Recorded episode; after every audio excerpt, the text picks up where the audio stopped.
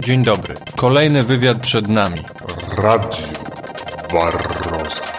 Dziś moim gościem jest biolog dr Przemysław Grodzicki z Katedry Fizjologii Zwierząt i Neurobiologii Uniwersytetu Mikołaja Kopernika w Toruniu. Zajmuje się głównie fizjologią i etologią owadów. Specjalizuje się w termoregulacji owadów. Najpierw przez wiele lat badał karaczany, aktualnie skupia się głównie na pszczole miodnej. Z góry przepraszam za dźwięk, który nie jest najwyższej jakości. Mimo wszystko zapraszam jednak do wysłuchania wywiadu ze względu na jego wartość merytoryczną. Witam pana w kolejnym odcinku Radia Warosa. Kłaniam się wszystkim słuchaczom. Pańska tematyka badawcza to m.in. fizjologia, ekofizjologia oraz etologia owadów, a w szczególności elektrofizjologia mięśni lotu pszczoły miodnej. Czy mogę prosić trochę o rozszyfrowanie tych y, trudniejszych słów?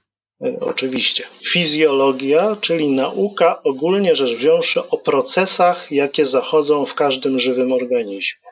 Czyli na przykład możemy mówić o fizjologii roślin czy o fizjologii zwierząt, o tych wszystkich zjawiskach, które występują na przykład na poziomie każdej żywej komórki czy, czy całego organizmu. E, jeśli chodzi o fizjologię zwierząt, czyli tutaj mamy do czynienia właśnie z tymi procesami, ale występującymi w organizmach zwierzęcych, też mogę powiedzieć na poziomie pojedynczej komórki, czy na poziomie organizmu całego, który posiada szereg organów, na przykład przewód pokarmowy, kończyny, czy inne różnego rodzaju, że tak powiem, organy narządy, które stanowią cały ten organizm i o działaniu na przykład pojedynczego mięśnia, czy na przykład o działaniu całego organizmu będziemy mówić właśnie biorąc pod uwagę właśnie fizjologię zwierząt. Z kolei etologia to jest nauka mówiąca o zachowaniu się, czyli o tym, w jaki sposób dany organizm będzie na przykład kontaktował się z innymi, będzie odnosił się do swojego środowiska życia, czy będzie jakiekolwiek przejawy tego, co możemy zaobserwować, obserwując organizm jako całość, jako, jako y, osobną jednostkę. Czyli etologia, najprościej mówiąc, nauka o zachowaniu się, o zachowywaniu się organizmu. Stosujemy też tutaj angielski, angielskie słowo behavior, z kolei ekofizjologia to już, to już w tym momencie jest zależność pomiędzy procesami fizjologicznymi zachodzącymi w organizmie i jakby jego odniesienie w stosunku do otoczenia, w którym się znajduje. To znaczy, można powiedzieć, że środowisko będzie w pewien sposób decydować o tych procesach fizjologicznych, które zachodzą w żywym organizmie. Na przykład, jeżeli mamy taki organizm, mówimy o zmiennocieplnym, powiedzmy, to będziemy zawsze wiedzieli, że on ciepło do ogrzania swojego organizmu będzie pobierał ze środowiska, czyli to środowisko będzie dla niego źródłem ciepła, a nie sam organizm. Czyli można powiedzieć, że sama e ekofizjologia, czyli odniesienie organizmu do środowiska, w którym, w którym się znajduje. Panie doktorze, proszę się krótko przedstawić na początku, opowiedzieć e, skąd zainteresowanie w szczególności owadami i pszczołami e, w swojej karierze naukowej i opowiedzieć o badaniach naukowych z tym związanych. E, otóż fizjologią owadów zajmuję się właściwie od czasów studenckich, od początku zupełnie moich, mojego czasu tutaj spędzonego na uczelni, na Uniwersytecie Mikołaja Kopernika na Wydziale Biologii, wtedy jeszcze Biologii i Nauk o Ziemi, teraz Biologii i Ochrony Środowiska. Wydział jest ten sam, tylko zmieniła się nazwa oczywiście, ale no, było to przeszło 28 lat temu kiedy właściwie rozpocząłem wykonywanie pracy magisterskiej poświęconej podstawowym zjawiskom bioelektrycznym, zachodzącym w komórkach mięśni lotu karaczana amerykańskiego. To wtedy y, zacząłem właśnie tutaj pod y, kierownictwem świętej pamięci profesora Janiszewskiego, pani doktor Greipel, też niestety świętej pamięci, badałem wtedy właśnie wpływ niedotlenienia na potencjał błonowy mięśni lotu karaczana.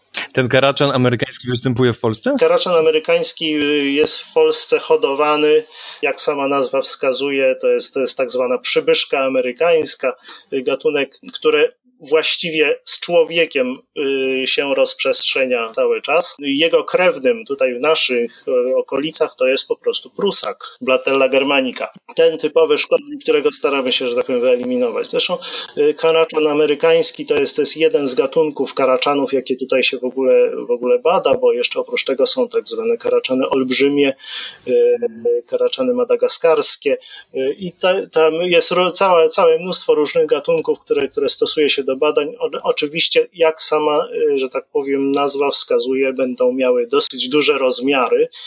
Y, są jeszcze te tak zwane karaczany syczące. Można powiedzieć, że stanowią bardzo dogodny materiał do badań, ponieważ no, kto lubi karaczany, prawdę mówiąc. W związku z czym można z takimi karaczanami yy, to nie, nie jest, że tak powiem, poprawne politycznie to, co mówię, ale można z takimi karaczanami przeprowadzić masę doświadczeń, y, takich właśnie fizjologicznych, y, które no niestety często kończą się śmiercią takiego owada, ale y, stanowią bardzo ważny przyczynek do, do nauki o podstawowych zjawiskach, jakie się w ciele również naszym następują. Czyli tutaj podstawą fizjologii można powiedzieć, czy podstawą tutaj elektrofizjologii, czy, czy innych, że tak powiem, nauk związanych z fizjologią będzie badanie tych właśnie najprostszych organizmów, a dopiero później, kiedy to się e, przebada, to dopiero wtedy organizmów takich bardziej skomplikowanych, których już nie możemy tak bardzo ingerować procedurami eksperymentalnymi. No oczywiście, aż wchodzimy do kręgowe, do, do zwierząt kręgowych, które otoczone są przynajmniej w krajach rozwiniętych zachodnich komisją etyczną. Tak, oczywiście i tutaj, tutaj już naprawdę trzeba bardzo y, dobrze zaplanować doświadczenia i trzeba naprawdę wiedzieć, co się chce, żeby, żeby tym zwierzętom po prostu jak najmniej krzywdy, że tak powiem, uczynić. Samo przecież badanie nie, nie polega na tym, że, żeby niszczyć, żeby robić, że tak powiem, sprawiać ból, tylko chodzi po prostu o to, żeby się czegoś dowiedzieć. Tak? W związku z powyższym, no trzeba przy jak najmniejszym kosztem, jak najmniejszą ilością, jak najmniejszą liczbą zwierzaków należy, że tak powiem, przeprowadzić ten eksperyment, który nas tutaj e, interesuje. Oczywiście, no, jak najbardziej oszczędzając to, co badamy. I to samo się tyczy y, no, pewnie pszczół, o których sobie za chwilę porozmawiamy, tak? No, oczywiście, tak, bo do pszczół mamy jeszcze dodatkowo jakby stosunek emocjonalny, można powiedzieć. Tak przynajmniej jest w moim przypadku. Rozumiem. No to zaraz do tego dojdziemy. Mała y, tutaj była dygresja o karaczanach. Opowiadamy dalej o, o, o pana karierze naukowej i, i badaniach z czasem, kiedy zacząłem pracować już na uczelni, i trzeba było wybierać prawdziwą taką tematykę swoich zainteresowań naukowych. Wtedy zorientowałem się, że może na Karaczanie nie zdziałam tyle, co na bardziej wdzięcznym obiekcie badawczym, jakimi mogłyby być pszczoły. Miałem podstawy do takiego mniemania, ponieważ miałem dostęp do tych pszczół. Mój ojciec już od lat prowadził niewielką pasiekę, która teraz liczy około pięciu rodzin, ale wcześniej to było nawet powyżej dwudziestu. No i tutaj osobny Następnym rozdziałem byłaby historia, w jaki sposób mój tato, profesor chemii, zajął się pszczelarstwem. Tak więc, mając dostęp do takiego materiału doświadczalnego, jak to się mówi w żargonie naukowym, czyli po prostu móc podbierać ojcu, oczywiście za jego aprobatą po kilka, kilkanaście czy kilkadziesiąt pszczół, albo kilka razy w tyg- znaczy raz albo kilka razy w tygodniu, mogłem z powodzeniem poświęcić się badaniu pszczół. E, no nie mówiąc o tym, że, że kontakt z życiem pasiecznym i, i tymi owadami coraz bardziej pobudzał moje zainteresowanie zarówno hodowlą, jak i pracą naukową na temat e, tych e, ślicznych, włochatych zwierzaków. Pewnie wtedy troszeczkę odstraszały mnie ich pewne agresywne zachowania, ale, że tak powiem, w tej chwili chyba coraz mniej agresywne pszczoły są, w związku z powyższym coraz lepiej się do nich można dostać i zbliżyć. Wtedy zająłem się właściwie badaniem zjawisk bioelektrycznych, ciąg dalszy tych badań w mięśniach lotu, ale tym razem w mięśniach lotu pszczół, czyli kontynuacją badań elektrofizjologicznych. Natomiast to właściwie stopniowo się zacząłem skłaniać do, do, do takiego bar, y, dla mnie bardzo pasjonującego zagadnienia termoregulacji pszczół. Właściwie od tego momentu mój, mój y, zachwyt i pasja badawcza dotycząca pszczół cały czas narasta, nie tylko nie zmniejszyła się, ale cały czas y, narasta. No na przykład mój zachwyt wzbudza to, w jaki sposób ten, ten nieduży właściwie owad potrafi w pewnych okresach swojego życia regulować temperaturę wnętrza ciała nieomalże tak samo jak człowiek. Mhm. No to chętnie e, na, na, ten temat sobie porozmawiamy bardziej szczegółowo. Tak naprawdę zajmuje się pewnym wycinkiem, pewnym aspektem termoregulacji pszczół, mianowicie ich zachowaniem termoregulacyjnym, ich behawiorem termoregulacyjnym, czyli właśnie tym, co wchodzi w zakres etologii, czyli nauki o zachowaniu, ale jest związany z fizjologią lat, stąd też właśnie powiązanie tych, tych, tych dwóch, dwóch aspektów etologii i fizjologii owadów. Czyli w trakcie kariery naukowej trochę e, wyspecjalizował się pan w pszczołach. Tak, dokładnie. Od karaczanów przeszedł pan do pszczół.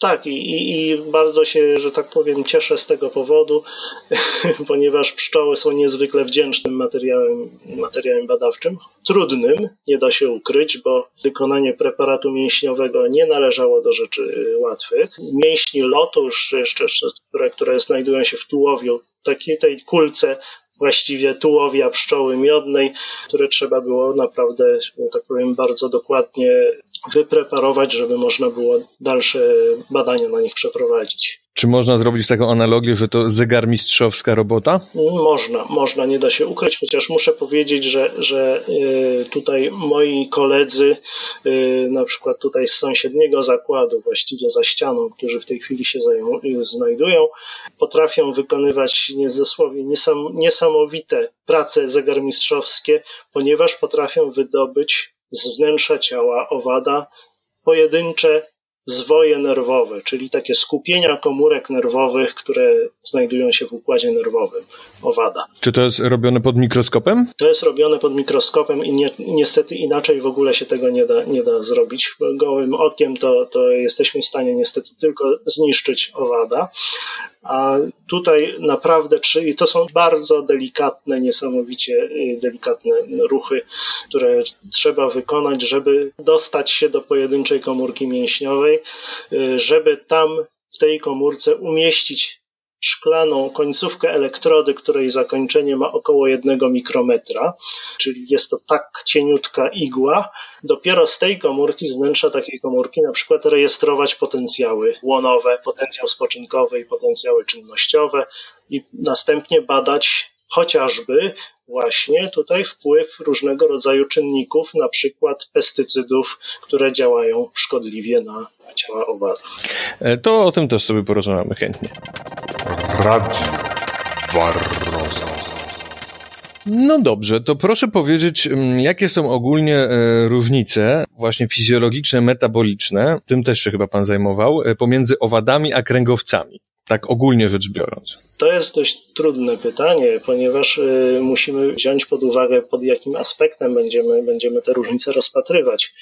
Y, ogólnie rzecz wziąwszy, nie mogę się zgodzić, że one, że te organizmy są kompletnie różne, ponieważ istnieje pewne zjawiska, które występują, że tak powiem, we wnętrzu komórek. One, występ, one są właściwie wszędobylskie, one występują w, praktycznie we wszystkich y, żywych organizmach. No i takie procesy jak chociażby oddychanie, czy y, występuje zarówno w komórce owadziej, jak i w komórce kręgowca. Tutaj może bardziej y, musielibyśmy pod względem metabolicznym może musielibyśmy bardziej zwrócić uwagę na to, jakie jest y, ogólne tempo metabolizmu, czyli, czyli w jaki sposób, jaką szybkością następują te tak zwane procesy kataboliczne, które procesy, które doprowadzają do uzyskania energii przez komórkę. Wiadomo, że jest to, jest to proces, można powiedzieć, oddychania, czyli, czyli proces spalania, można powiedzieć. Z tym, że, że to, to jest proces, który, który się odbywa w bardzo powoli, wieloetapowo, poprzez wiele różnych podprocesów, takich, takich e, drobniejszych może procesów, we wnętrzu żywej komórki, która podzielona jest na szereg, szereg fragmentów, kompartmentów i w każdym z nich coś innego, jakaś reakcja występuje. W każdym razie, zarówno owady, jak i kręgowce są w stanie podwyższyć tempo tych przemian do takiego stopnia, y, znaczy tutaj jeśli chodzi o owady, tylko niektóre owady, a wśród nich właśnie pszczoła miodna, są w stanie właśnie podwyższyć tempo tych, tych właśnie przemian do takiego poziomu, że to ciepło, które produkuje w procesach katabolicznych, w procesach oddychania, jest w stanie podwyższyć temperaturę wnętrza ciała takiego organizmu. Ale to mówimy już na poziomie eusocjalnym, e, załóżmy rodziny pszczelej czy kolonii, czy na poziomie pojedynczego na razie owada? Na razie pojedynczego organizmu. Do takich, do takich organizmów będziemy zaliczali właśnie na przykład z będziemy zaliczali ssaki, chociaż też nie wszystkie. Właściwie mm, może pewne, pewne tylko niektóre gady, ale właściwie taka, taka wyższa y, tempo metabolizmu. I oprócz tego jeszcze możliwość regulowania tempa metabolizmu przy zmieniającej się temperaturze otoczenia, czyli na przykład, jeżeli temperatura otoczenia się obniża, wówczas w pewnych granicach tempo metabolizmu będzie nam przyrastało, żeby utrzymać stałą temperaturę ciała, to jest domena praktycznie ssaków. To się nazywa, o ile pamiętam ze szkoły, stałociepność, ewentualnie ciepłokrwistość, tak? Tak, to się nazywa stało ciepło, stałociepność, czyli, czyli ciepłokrwistość i, i te, te właśnie organizmy zaliczamy do ciepłokrwistych. Można też e, określić je mianem endotermicznych, czyli takich, który, z których e, ciepło na ogrzanie ciała jest wynika z własnych przemian metabolicznych następujących we wnętrzu organizmu. Z kolei drugi biegun tego, tego właśnie e, procesu, tego, tego zjawiska, to jest ektotermia. E, jeżeli tempo metabolizmu, tempo przemian metabolicznych danego organizmu, danego zwierzęcia jest na tyle niskie, tak powoli przebiegają te procesy metaboliczne, że wytwarza on bardzo niewiele ciepła, że nie jest w stanie ogrzać siebie, wówczas mówimy o ektotermii. I w tym, przy takich, w takich organizmach y, właśnie ciepło jest pobierane z otoczenia. Ciepło do ogrzewania organizmu jest pobierane z otoczenia. Tutaj y, też warto zwrócić uwagę na to, w jakim, w jakim otoczeniu żyje organizm. Te y, organizmy, które żyją w naszych szerokościach geograficznych, przeważnie muszą powiem kumulować ciepło i gromadzić je, żeby, żeby utrzymać temperaturę z wnętrza swojego ciała na określonym poziomie. Można powiedzieć jeszcze no, no, tutaj oczywiście, dlaczego one to robią. Chodzi, chodzi po prostu o to, żeby utrzymać tempo y, procesów, wszystkich procesów, głównie właśnie procesów enzymatycznych na odpowiednim poziomie. Czyli dla, dla standardowych procesów życiowych, które dzieją się w komórce, powiedzmy, no w większości przypadków, bo podejrzewam, że jak to w biologii, w naukach przyrodniczych zaraz będą jakieś wyjątki, e, musi być jednak pewne, e, pewien zakres optymalny temperatur, tak? Dlatego one to robią. Bo... Musi to być tak i u tych stałocieplnych, u tych ciepłokrwistych, no, ssaków chociażby stałocieplnych, to jest y, rząd, że tak powiem, przedział temperatury mniej więcej około 2 stopni Celsjusza. Gdzieś około, w granicach gdzieś około 36 do, do, do, do może do 38 stopni Celsjusza. To jest, jest i kiedy, jeżeli jeszcze podwyższymy temperaturę, wówczas tempo działania wszystkich enzymów zaczyna nam spadać. Wybieramy taki, taki e, miejsce, taki obszar, gdzie następuje właściwie optimum działania enzymów. I owady też do tego, i owady też do tego zakresu optymalnego dążą? Owady mają znacznie szerszą tolerancję, większą tolerancję tutaj termiczną. Rzeczywiście, e, jak każdy organizm, też powinny właściwie w ten sposób reagować, czyli, czyli, czyli ustalać wnętrz, temperaturę wnętrza swojego ciała na, na określonym poziomie, takim właśnie, który jest bliski tej, tej optymalnej dla działania enzymów.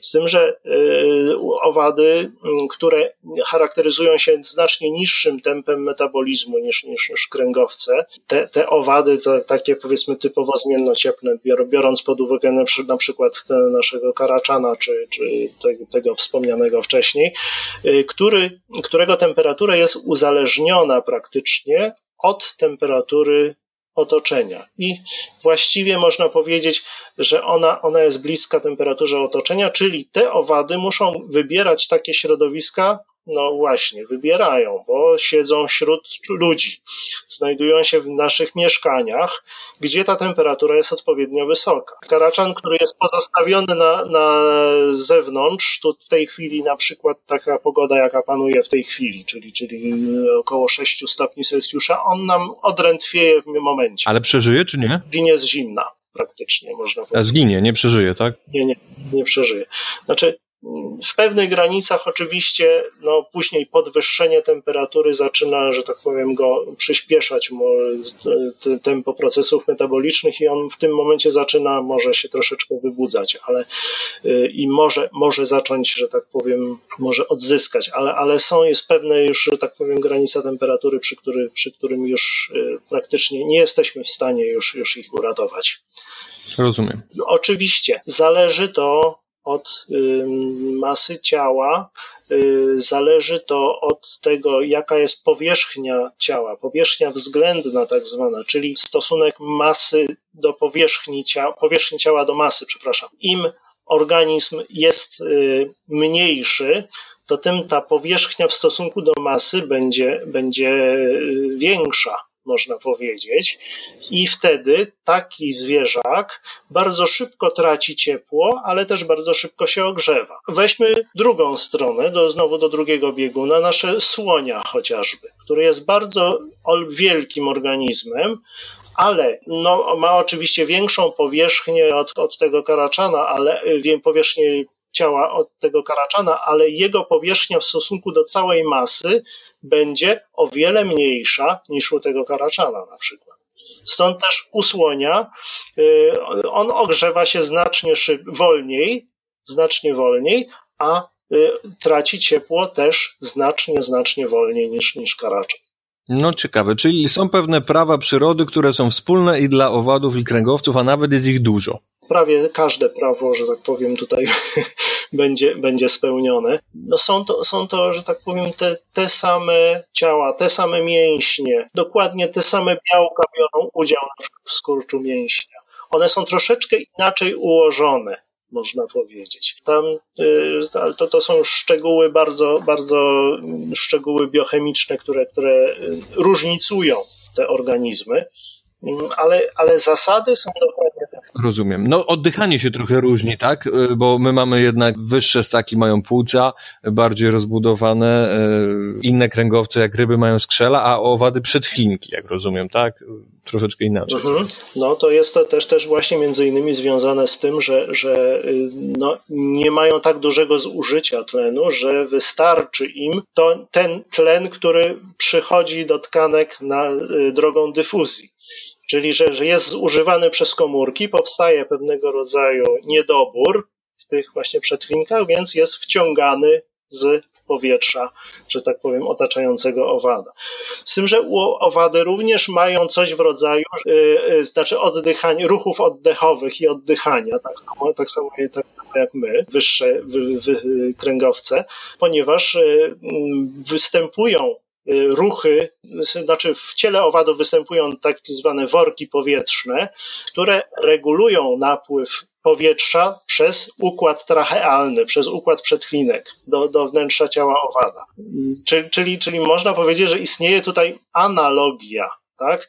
Nie są to dokładnie te same narządy, tego samego pochodzenia, ale spełniają podobną funkcję. E, również, jeżeli mogę tutaj już, e, że tak powiem, wybiec e, do przodu, Również rój pszczół jako całość, to znaczy gniazdo pszczół jako całość, jest też pewnego rodzaju miechem, płucem, ponieważ podczas y, w ramach termoregulacji następuje wachlowanie skrzydłami i wymuszanie przepływu powietrza.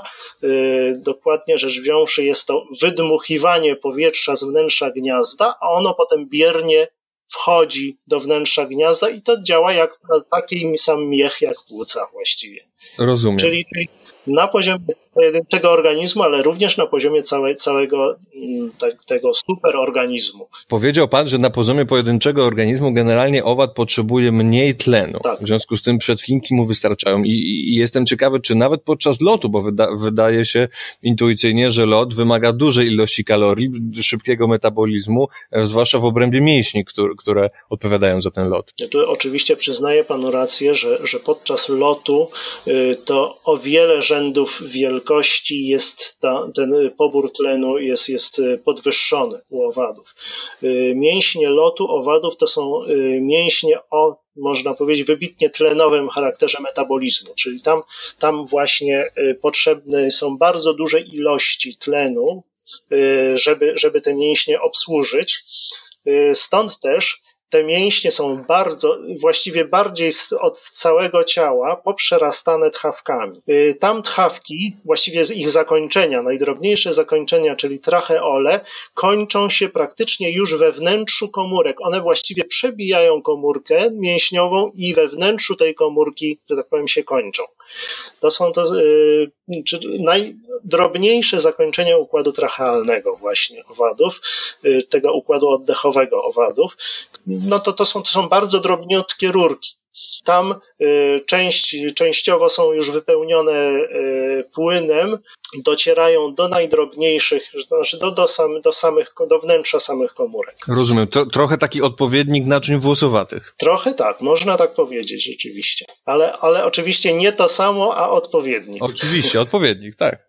No tak, bo owady to właśnie mają rozłączne, czyli y, hemolimfę, czyli połączona i krew, limfa, to te, też taka analogia. Znaczy, no hemo, i... Hemolimfa, która zasadniczo bardzo małą rolę odgrywa w procesach oddechowych, czyli, czyli tutaj no w przekazywaniu, przekazywaniu tego tlenu. A w kręgowcach olbrzymią. Chociaż, Chociaż y, no, niektórych występują takie barwniki, które mogłyby, że tak powiem, ten tlen prze, przenosić, ale, ale, ale raczej tutaj mm, większą funkcję y, składa się właśnie na, na, na układ trachealny, który bezpośrednio dostarcza tlen na drodze dyfuzji. Rozumiem. Dlatego hemolimfa nie jest barwy czerwonej, tak? Bo, bo tym barwnikiem, który u, u kręgowców dostarcza tlen do krwi jest hemoglobina, ona jest właśnie koloru czerwonego. Tak. Jest... Między innymi od żelaza. Tak, jeśli dobrze y, kojarzę. Tak, znaczy to no zawiera, zawiera w swojej cząsteczce żelazo, tam jest, tam jest jeszcze, że tak powiem, układ y, porfirynowy y, i, i y, duża cząsteczka białka do tego jeszcze, który, a to, to samo tam, gdzie znajdują się jony żelaza, bodajże cztery jony żelaza są, są, są przy tam w jakiś sposób związane, y, które wiążą też, też właśnie tlen, znaczy w płucach wiążą, natomiast w, jeżeli ta krew dotrze do tkanek, wówczas ten tlen jest uwalniany już po poszczególnych komórek żywego organizmu. Rozumiem, to bardzo ciekawe. Mm, panie doktorze, czyli od ogółu do, e, przechodzimy do szczegółu, powoli zbliżamy się do pszczoły miodnej. Mam pytanie, co wyróżnia owady eusocjalne, które tworzą kolonie i rodziny i, i czym się, e, jak można porównać metabolizm owadów eusocjalnych i indywidualistycznych? Radio Barroso. Muszę powiedzieć, że trudne, bardzo skomplikowane pytanie. Y, ale to, co trzeba sobie powiedzieć, najważniejsze jest, jest tutaj, że, że te zwierzęta, organizmy eusocjalne, czyli tworzące społeczeństwa, y, można powiedzieć kilka y, takich kryteriów, które decydują o tym, że dane zwierzę uważamy za socjalne.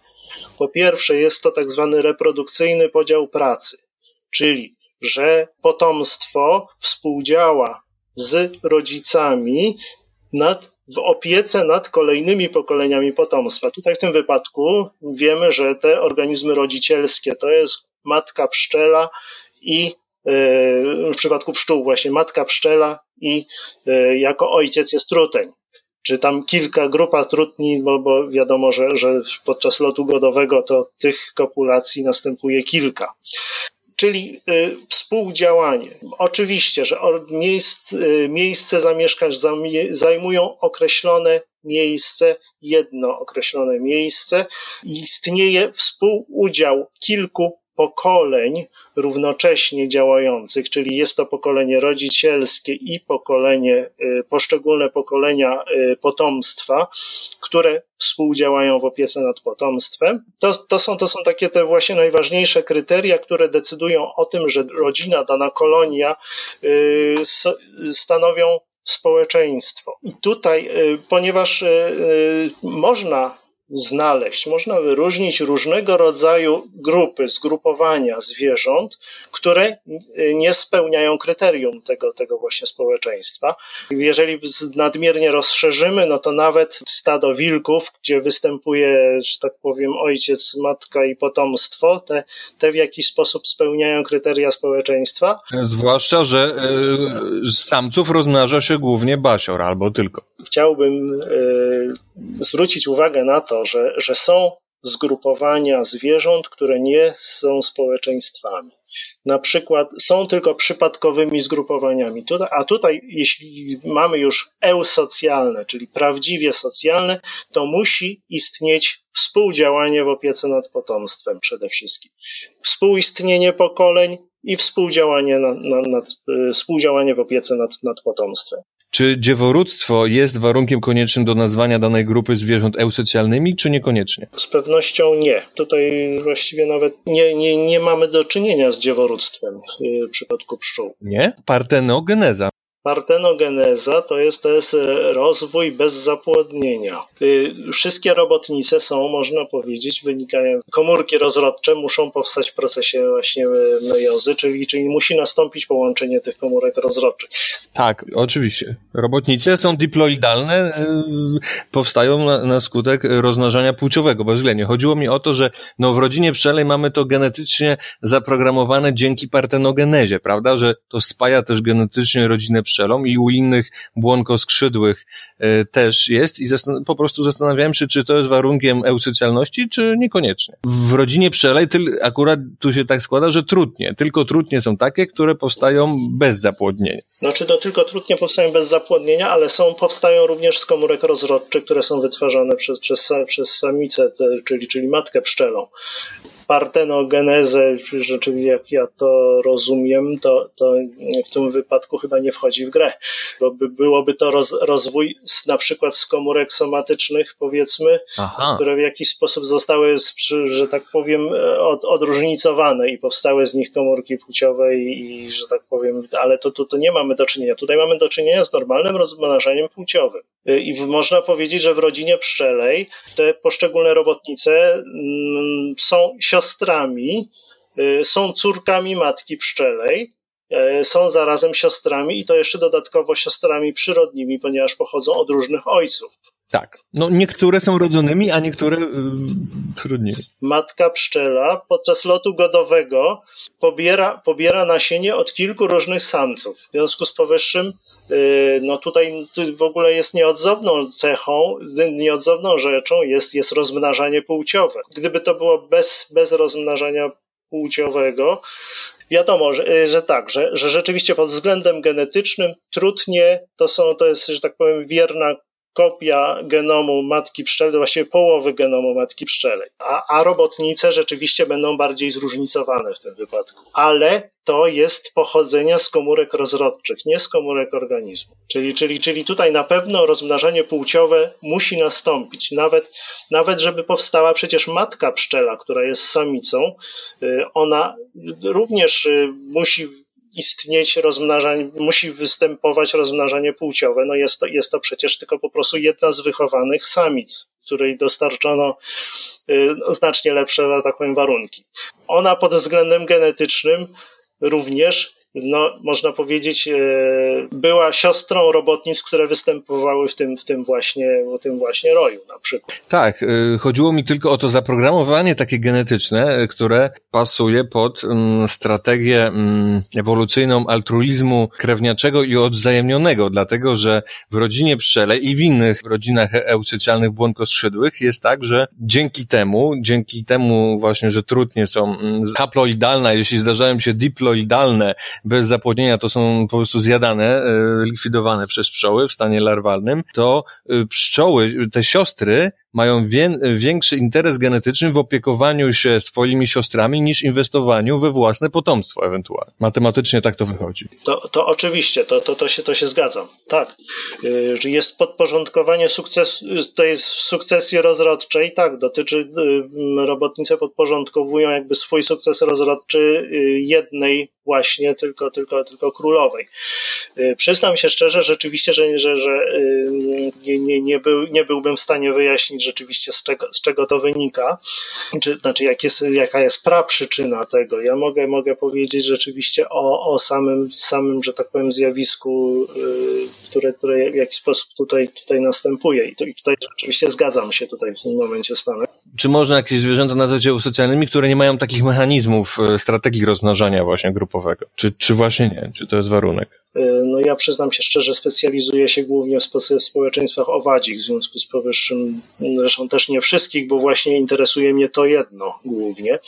E, dlatego może nie czuję się w tej chwili na siłach, żeby, żeby tutaj rzeczywiście taki, taką analizę dokonać. Te, te, te kryteria, które podałem wcześniej, rzeczywiście u, u, u, pszczół, u pszczół są, są E, spełnione. Poza tym e, właśnie ten altruizm, który, który właśnie wynika no, z podporządkowania się e, swojego życia pojedynczego całej, całej rodzinie, ale mm, to się odbywa ze wzajemnością, można powiedzieć. Czyli, że, że, że, że no, rodzina chroni pojedynczą robotnicę jako, jako tak. Rodzina nie przeżyłaby bez tego bez, bez tych, że tak powiem, tego grona robotnic, które, które opiekują się matką pszczelą, które opiekują się potomstwem, które wreszcie y, no, zbierają materiały odżywcze, które, które są potrzebne całej, całej rodzinie, na przykład do, do, przezimowania. Tutaj y, oprócz, oprócz właśnie tych, tych kryteriów, które, które wspominaliśmy, rodzinę pszczelą uważa się jako, znaczy tutaj rodzinę pszczelą jako, jako przykład właśnie tej eusocjalności, można powiedzieć, uważa się jako właściwie organizm, jako superorganizm. Yy, I stosuje się pewnego rodzaju właśnie analogię pomiędzy chociażby organizmem, superorganizmem, czyli rodziną, czyli kolonią pszczół, a na przykład organizmem ssaka chociażby. Y, chociażby pod względem termoregulacji, która, która występuje y, y, podobne, co, co, no, z czym miałem okazję, że tak powiem, tutaj się, się spotkać podczas, podczas przeprowadzania moich badań, z tym, że, z tym, że ja prowadziłem badania na małych grupkach, natomiast próbowałem to odnieść do, do, do całej, całej rodziny, że pod względem termoregulacji grupa y, organizmów zachowuje się jako jedność i zachowuje się w taki sposób, że jest to sposób analogiczny jak na przykład małego ssaka o podobnej masie jak rój pszczół. Aha, czyli e, pojedyncze pszczoły można by troszeczkę odnieść jako, jako rodzaj tkanek du, dużego... Tak, można, pojedyncze pszczoły, poszczególne pszczoły, yy, ogólnie rzecz biorąc, na przykład zawartość, całkowita zawartość wola pszczół, gdybyśmy sumowali, yy, to moglibyśmy nazwać żołądkiem społecznym na przykład, tak? Czyli, czyli, czyli że całe mleczko pszczele, jakie jest wytwarzane, yy, to są gruczoły mleczne u matki, yy, u matki ssaka na przykład. Rozrodcze, że tak powiem, organy, no to wiadomo, że to jest cały organizm, właściwie organizm no, taki wegetatywny, natomiast tylko część z tych, że tak powiem, tylko część ma właściwości generatywne, czyli, czyli, na, czyli zdolne jest do rozmnażania czy w tym, tym przypadku.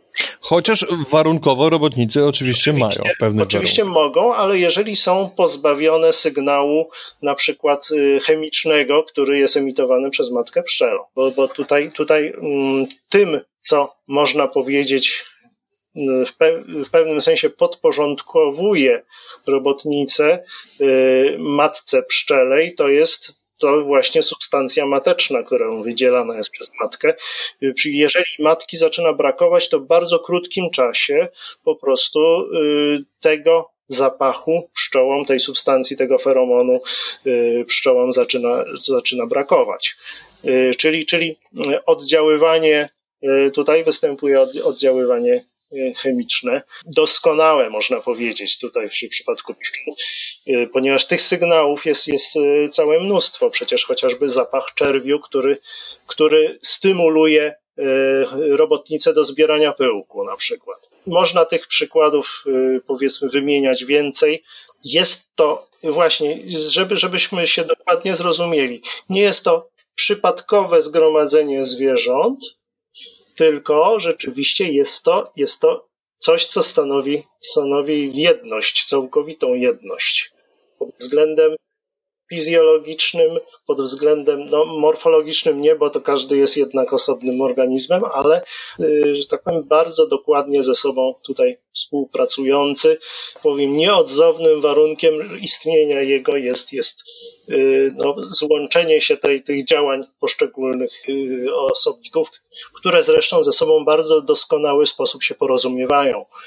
I tutaj te wszystkie, te wszystkie zwyczaje, to jest, to jest właściwie y, no, osobny rozdział, któremu naprawdę warto poświęcić dużo uwagi.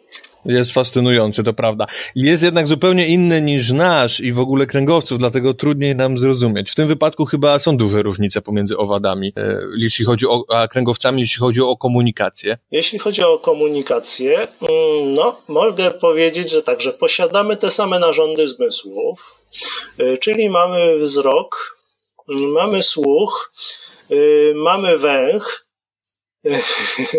czyli podstawowe, mamy dotyk, mamy pod, czyli czy te wszystkie podstawowe kanały informacji, które, które się prze, prze, którymi informacja jest przekazywana, y, właśnie ponieważ tym ważnym kryterium również będzie komunikowanie się pomiędzy poszczególnymi członkami na przykład kolonii. To są troszeczkę te, te, te tak powiem, y, mechanizmy są nieco inaczej, może, że tak powiem, nie, akcenty inaczej są położone, powiedzmy sobie, niż my, my, my jako ludzie bazujemy bardziej tutaj na wzroku. Y, owady, tym wzrokiem owadów właściwie będzie dla nich ich węch. Tak, feromony.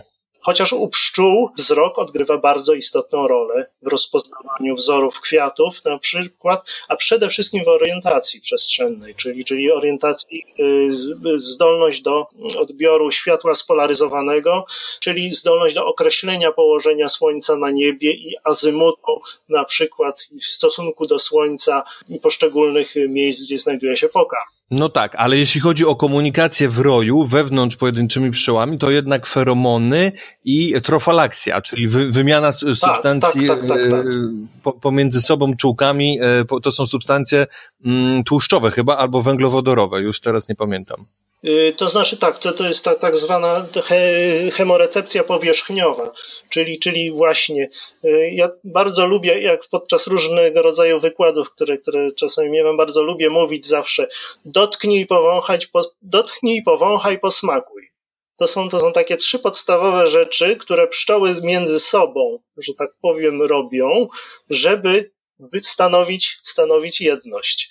Tak? Jedno, przy rozpoznawaniu osobnika ze swojej kolonii, sto, znaczy y, ob, odróżnieniu obcego i, i y, osobnika ze swojej kolonii, to jest to samo zjawisko. Przy, pierwsze, najważniejsze to jest kontakt czułkami.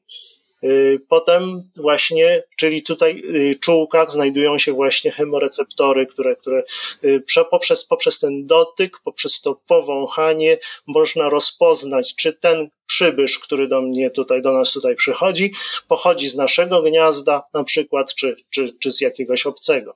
Czy przyniósł dobre jedzenie chociażby, y, bo to też można właśnie przekazywać.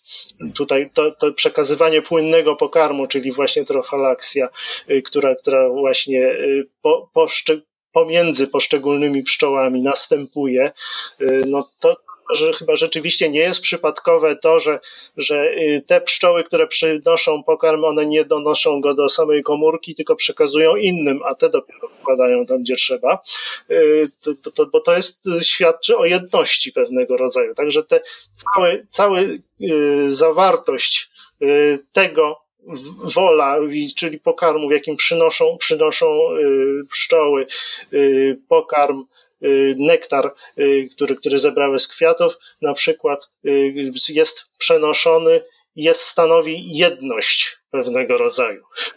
Tak, żeby e, zbadać biologię owadów eusocjalnych, w wielu przypadkach należy rozpatrywać rój, rodzinę, kolonię jako całość po prostu. Tak, żeby zbadać jej biologię. Jako całość, tak. tak. To tutaj ni niestety na tym między innymi też, też opierają się trudności w pewnego rodzaju badaniach tutaj fizjologicznych, że ta pszczoła, która jest pozbawiona kontaktu z własną rodziną, ona się zachowuje y, niezbyt naturalnie. To prawda. I też mi się wydaje, że nawet jeżeli 15-20 mm, pszczół zamknie pan w klateczce, nawet załóżmy, że z matką, to też to nie będzie to samo zachowanie, co w roju o 20 tysiącach pszczół. Z pewnością, chociaż, chociaż ja na własnej skórze przekonałem się, że, że pewnego rodzaju zachowania są, są, y, objawiają się. Rozpraszanie się i skupianie się w rytmie dobowym, chociażby tutaj w celach termoregulacyjnych występuje zarówno, y, oczywiście obserwuje się to i opisuje się w rodzinie pszczelej jako takiej, jako całości, ale, ale również w takich małych grupkach, jakie, jakie były no, chociażby tutaj w naszych badaniach prowadzone. Y, także, także to, to widać wyraźnie, że jest, jest y, tendencja i ona, ona rzeczywiście taka tendencja nasila się w momencie, kiedy takiej grupie pojawia się matka, pojawia się królowa. Czy, czy to, to jest jeszcze i wtedy jakby jeszcze bardziej widoczne niż y, wtedy, kiedy, kiedy jest to powiedzmy grupa y, robotnic, y, no chociażby grupa zbieraczek, która jest z jednego ula, że tak powiem, pobrana, chociażby. No takie minimum, przynajmniej w warunkach nie in vitro, tylko na zewnątrz, to jest pra prawdopodobnie to, co pszczelarze mogą zastosować jako minimalną rodzinę, czyli ulik weselny. Ulik weselny, tak, tak. Nawet, nawet w tych badaniach takich właśnie y, y, społeczeństw, y, tylko ja w tej chwili niestety nie, nie pamiętam dokładnie ilości, ale jest określona liczba osobników, która no, zaczyna spełniać, zaczyna spełniać funkcję już, że tak powiem, takiej, takiej małej, małej rodzinki. Ale mówimy o pszczołach teraz, tak? Tak, tak, tak, tak, tak, tak. tak. Radio.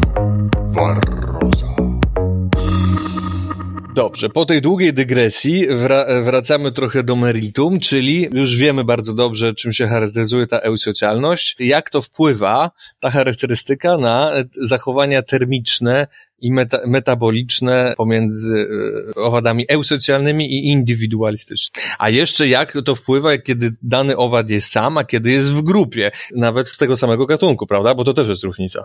E, no, według, według tutaj można powiedzieć e, moich obserwacji tutaj własnych, muszę powiedzieć, że rodzina jako całość więc kolonia, y, pod względem termoregulacyjnym powinna stanowić punkt wyjścia dla zachowania termoregulacyjnego pojedynczego osobnika. Y, dlaczego tak mówię? Y, wiadomo, że owad, który, który opuszcza gniazdo i udaje się na pożytek, wylatuje z wnętrza, z ciepłego wnętrza gniazda, czyli bawiony, że zostaje, że tak powiem, konieczności rozgrzania mięśni przed lotem. Mięśnie lotu owadów są bardzo wrażliwe na ochłodzenie i na przykład u pszczół, kiedy ta temperatura mięśni lotu spadnie już nawet do 25 stopni Celsjusza, one nie są w stanie już w tym momencie efektywnie pracować. I nie wiem, czy, czy, czy, czy na pewno wielu pszczelarzy obserwuje takie, takie właśnie zachowania podczas chociażby oblotu, tego, tego pierwszego oblotu po zimie, że dana pszczoła, jeszcze śnieg leży, wylatuje i tak przysiada co pewien czas i wygląda, że nic się z nią nie dzieje, ale gdybyśmy dobrze się jej przyjrzeli, to zobaczymy drżenie y, tułowia Czyli ona w tym momencie ma dla nas, mówiąc, dreszcze. Ona wykonuje tak zwaną termogenezę drżeniową.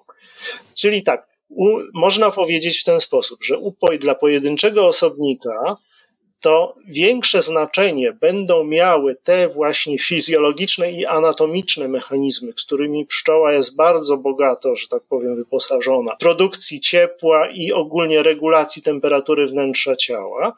Natomiast jeżeli odniesiemy to do całej rodziny, to oczywiście, że pojedynczy organizm jest źródłem ciepła dla całej rodziny. Pojedyncza pszczoła będzie źródłem ciepła dla całej rodziny. Podczas y, życia tej rodziny właściwie w gnieździe, kiedy, kiedy y, ogrzewane jest y, wnętrze gniazda, głównie właśnie te miejsca, gdzie znajduje się czerw, czyli tam czerw jest, y, mówimy, że jest bardzo stenotermiczny, czyli, czyli on wymaga bardzo niewielkiego zakresu temperatury do swojego rozwoju, bardzo, bardzo wąskiego, w bardzo wąskim tempera- zakresie temperatury jest w stanie prawidłowo się rozwijać. Jeżeli te temperatury nadmiernie obniżymy albo podwyższymy, wówczas dochodzi do powstania różnego rodzaju wad rozwojowych tego, tego czerwiu. czerwiu I tak, i na, oprócz tego jeszcze można powiedzieć, że, że, że czerw e, robotnic e, wymaga nieco wyższej temperatury na przykład niż, niż czerw trutowy.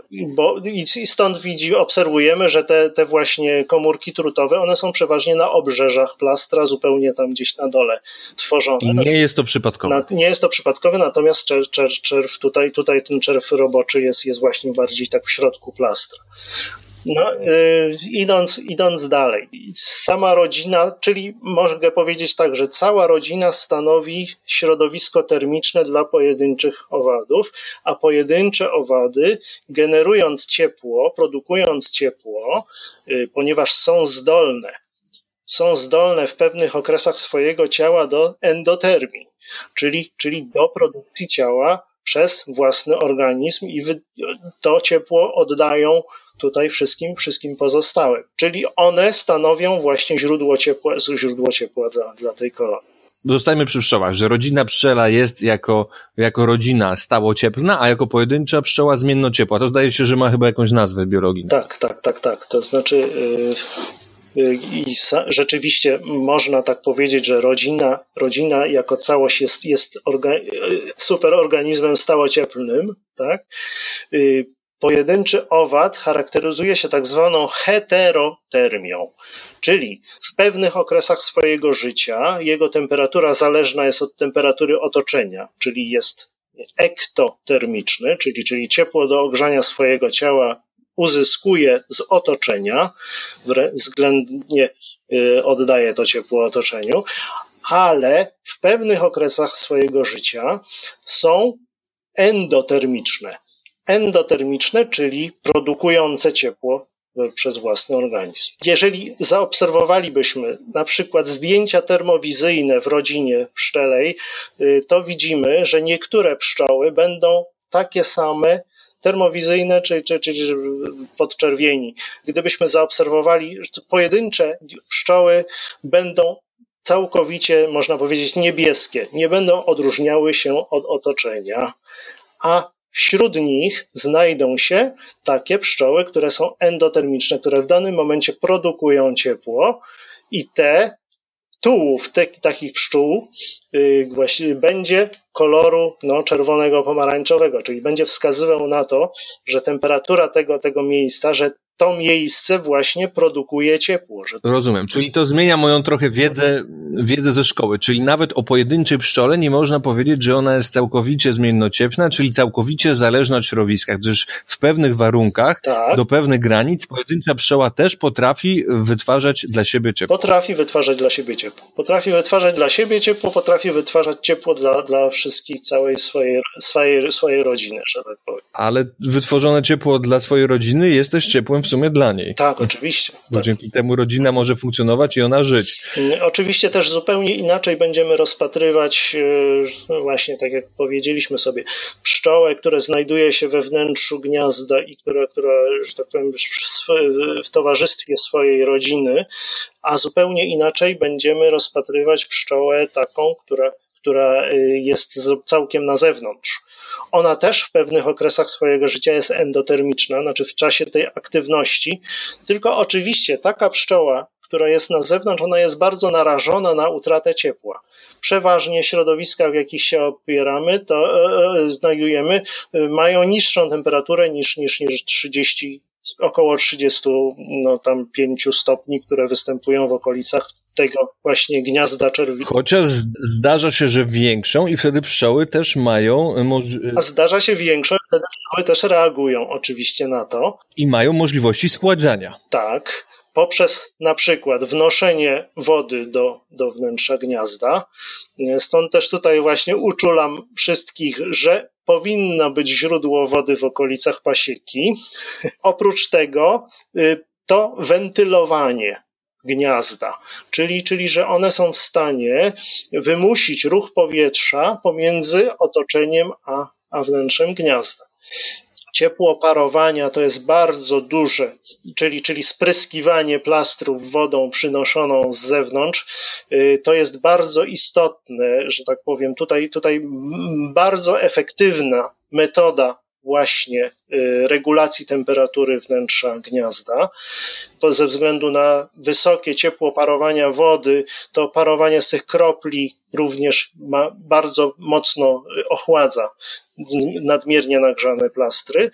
Wymuszenie ruchu powietrza, wiadomo, że również no, wentylujemy się, czyli, czyli, czyli że tak powiem, wentylacja jest bardzo, bardzo ważna poza tym, że, że oczywiście, że takie rodziny, które y, mają podwyższoną temperaturę, oczywiście również mają zwiększony pobór tlenu, prawda? Bo, bo im wyższe, jednak mimo wszystko y, ta, ta, ta ektotermia istnieje, y, czyli im wyższa temperatura, tym, tym również wyższe, wyższe tempo metabolizmu.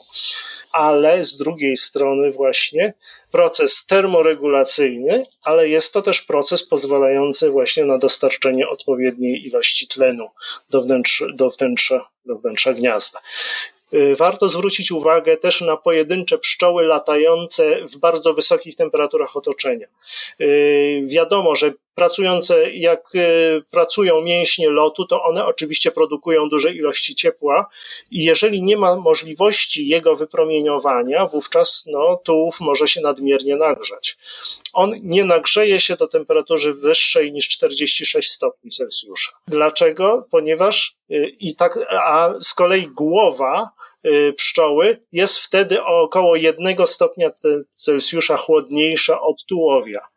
Dlaczego tak się dzieje? Ponieważ pszczoła jest w stanie ze swojego wola i y, wypuścić krople płynu, krople tego nakropu właśnie, które znajduje się właśnie w, w wolu i utrzymać w okolicach pyszczka i teraz woda z tej kropli parując ochładza głowę, a za nią właśnie tułów. Czyli, czyli również tutaj występuje wymiana ciepła na drodze parowania. Y, ciepło parowania że tak powiem, powoduje, że bardzo efektywne jest chłodzenie głowy u takich, takich owadów. Czyli można powiedzieć, że nie grozi pszczołom przegrzanie nawet podczas lotu w bardzo wysokich temperaturach. No w końcu pszczoły żyją też w tropikach. Oczywiście, no, można powiedzieć, że ra, raczej stam, stamtąd je zawdzięczamy. No właśnie. Ich możliwości termoregulacyjne w naszym klimacie umiarkowanym, żeby przeżyć zimę, są y, nabyły na drodze ewolucji po prostu, tutaj się mhm. przemieszczając. Tak? Tak, jest to świadczy o, o niesamowitym właśnie przystosowaniu y, do, do, do różnych i, znaczy no i ogólnie rzecz wziąwszy o dużych możliwościach przystosowawczych do, do życia w różnych, różnych y, szerokościach geograficznych. Y, właśnie sama termoregulacja zespołowa, która cechuje właśnie pszczoły miodne, no to pozwoliła na to, że one są w stanie zajmować tak daleko na północ wysunięte obszary. Norwegia, Szwecja. No, Norwegia, Szwecja, czyli, czyli tam, gdzie, naprawdę temperatury są bardzo niskie i właściwie i to, co im zagraża podczas zimy, to nie jest przechłodzenie, a raczej brak pokarmu. Czyli, czyli w tym momencie, y, oczywiście, konsekwencją braku pokarmu będzie brak możliwości termoregulacji. I w tym momencie takie rodziny ginęły ale, ale mm, jeżeli dostarczy się pszczołom do, do odpowiednie zapasy pokarmowe, wówczas, wówczas no, one są w stanie mm, nawet przy niedużej izolacji termicznej tego, tego miejsca, w którym, w którym się znajdują, są w stanie nawet przeżyć. Także... No też dlatego wydaje mi się, że ponieważ mają tam krótki okres wegetacyjny roślin, kwiatów i ewentualnie spadzi, więc te rodzime pszczoły, czyli podgatunku Apis mellifera mellifera, które występują te ekotypy w Norwegii czy Szwecji, po prostu budują niewielkie rodziny na zimę i wtedy te zużycie pokarmu jest mniejsze. Przypominam sobie badania, które, które świadczą właściwie o tym, że, że no, rzeczywiście wielkość rodziny ma bardzo, bardzo duże znaczenie przy, przy, przy przeżywa, przeżyciu okresu, okresu zimowego. Z tym, że jeżeli taka rodzina jest zbyt mała, to ona nie jest w stanie w tym momencie spełnić swojej funkcji termoregulacyjnej. Także to musi być coś tutaj wypośrodkowanego. Pewien kompromis pomiędzy właśnie tym, tym nadmierną ilością, że tak powiem, pszczół, albo znaczy zbyt małą liczbą pszczół, y, a możliwościami zachowania, że tak powiem, te, te, te, tego pokarmu, tego zapasu pokarmowego, który, który jest im konieczny do, do przeżycia zimy. Jasne. Panie doktorze, z tego co pan mówi, nasunęło mi się ze dwa, trzy pytania takie stricte praktyczne pszczelarskie. Mówił pan o, oczywiście o tej termoregulacji zbiorowej i, i ważnej roli też schładzania. I tu mi się nasuwa pytanie, które czasami rozpala dyskusję na forach pszczelarskich do czerwoności. E, denice osiadkowane za i przeciw w związku z tym tematem. Denice osiadkowane. Ha. Czy to korzystne jest dla pszczół, czy niekorzystne? Muszę przyznać się, że nie jestem na tyle praktykującym pszczelarzem, żeby, żebym, y, znaczy wiem, co to jest dennica, oczywiście, y, ale dlaczego ona ma być osiadkowana, tego, tego nie za bardzo wiem. Wielu pszczelarzy uważa, że właśnie te, tak jak pan, że nie zimno jest najmniej korzystne dla pszczół w zimę, tylko wilgoć też, poza oczywiście brakiem pokarmu. Jednym z nowoczesnych rozwiązań w ulach uważa się, że jest dennica osiadkowana. Po prostu jest siatka na przykład aluminiowa, bez bezpośrednio y, mają pszczoły po prostu styk z powietrzem od dołu. Mhm, znaczy, no, myślę, myślę że, że w każdym przypadku y, zapewnienie wentylacji będzie pozytywne nawet, nawet jeśli, jeśli jest to, że tak powiem, y, kosztem pewnego, pewnego y, przechłodzenia, to i tak pszczoły są w stanie to chyba skompensować, mi się wydaje. Przy, kłąb pszczeli wiadomo, że, że, że nie, nie jest czymś, że tak powiem, które, co się utrzymuje w sposób stały i y, tylko, tylko następuje tam stała wymiana pszczół. W związku z powyższym nie grozi im na pewno całkowite, wy, jeżeli są w stanie, że tak powiem, dostać się do pokarmu, nie są, nie grozi im wychłodzenie całkowite. Myślę, że bardzo istotne jest to zapewnienie wentylacji. To, co, to, co jest potrzebne do między innymi produkcji ciepła to jest właśnie tlen. Tutaj jakakolwiek przyducha, poza tym, że, że, że doprowadza właśnie do tego, że, że wilgoć się gromadzi, e, że, że nie jest, nie jest że tak powiem, odparowywana, e, to, to jeszcze dodatkowo, że tak powiem, no tłumi żywotność tej, tej, tej rodziny, która, która występuje, występuje właśnie w tym, na tym miejscu. Tak, ale dla diapauzy pszczół, czyli tego zimowego spowolnienia orga, e, organizmu, charakterystyczna jest zwiększona ilość e, w atmosferze otaczającej dwutlenku węgla, że to może zaburzać ten mechanizm. No, może, rzeczywiście mo, może się tak zdarzyć.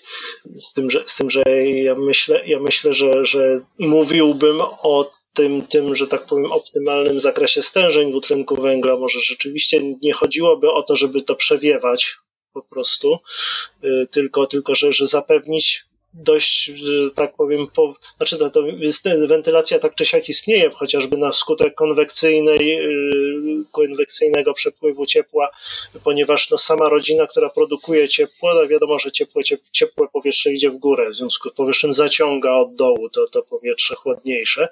Wiem, że ci, co posiadają ule e, z otwartą miednicą, z kolei dbają o szczelność na górze, czyli żeby nie stworzyć komino. Czyli to tak, że przycią przyciągów nie robią, prawda? Tylko chodzi o to, że Mhm. no mają po prostu w środku bardziej wtedy surowe warunki niż w ulu izolowanym na przykład, nie na siatce. Tylko mają dobrą. Myśl, myśl, myślę, że tak. No nie, nie jestem praktykiem pod tym względem. Są w stanie tutaj so- sobie z takimi warunkami poradzić. Rozumiem. No byłem ciekaw, jakie będzie miał pan zdanie. Myślałem, że może o tym słyszał pan. Jestem, jestem e, zwolennikiem, e, znaczy jeśli, jeśli o to chodzi, jednak zapewnienia najlepszych warunków tlenowych. Wodnych, tlenowych, dla tak, takiej właśnie rodziny. Natomiast pytałem też w kontekście upałów, dlatego że poruszaliśmy temat termoregulacji, kiedy włącza się pszczołom e, funkcja chłodzenia. Otóż niektórzy są, e, są takie głosy, że no podczas upału to lepiej zamknąć taką denicę jednego siatkowania, bo one zazwyczaj mają takie wsówki, gdzie można zamknąć, dlatego że e, po prostu zmusza się pszczoły do wię- rodzinę pszczelą do, mm, do większej pracy w tym zakresie schładzania wtedy. Możliwe. Chodziłoby może o, jeżeli dobrze rozumiem, chodziłoby o większe uszczelnienie całego ula, żeby można było, że tak powiem, wymusić ten obieg powietrza na zasadzie wdech-wydech, powiedzmy, tak? tak? że zamykamy denicę oświatkowaną, bo wtedy tam jest wentylacja całą po, powierzchnią denicy, a, a, a e, pozostawiamy tylko przez wylotek. No tak, bo tu te pszczoły w tym momencie i są już na tyle sprawne, ponieważ część pszczół w ogóle opuszcza w tym momencie, ponieważ znajduje się głównie na pożytku, y, czyli, czyli tam jest, znajduje się mniejsza liczba pszczół na pewno niż, niż, niż cała rodzina, czyli, czyli one jakby może w tym momencie będą produkowały mniej ciepła niż, niż że tak powiem, taka, taka rodzina, która cała sobie siedzi.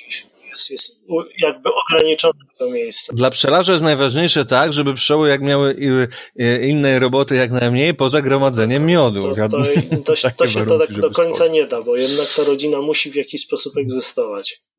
Do końca nie, oczywiście, no ale w pewnych warunkach można pomóc. No, na przykład pomóc im pozbierać osyp zimowy, czy właśnie zapewnić taką lepszą wentylację, żeby e, mniej robotnic było zaangażowanych na przykład w termoregulację zbiorową. To chyba można zrobić, tak? Myślę, że do pewnego stopnia, znaczy do Do pewnego stopnia. pewnych warunków y, środowiskowych się nie przeskoczy, jednak słońce grzeje z góry y, i, i że tak no, chyba najwyżej, chyba że jakiś, jakiś y, w tym momencie od góry jakieś, jakąś izolację. Tutaj też są dyskusje.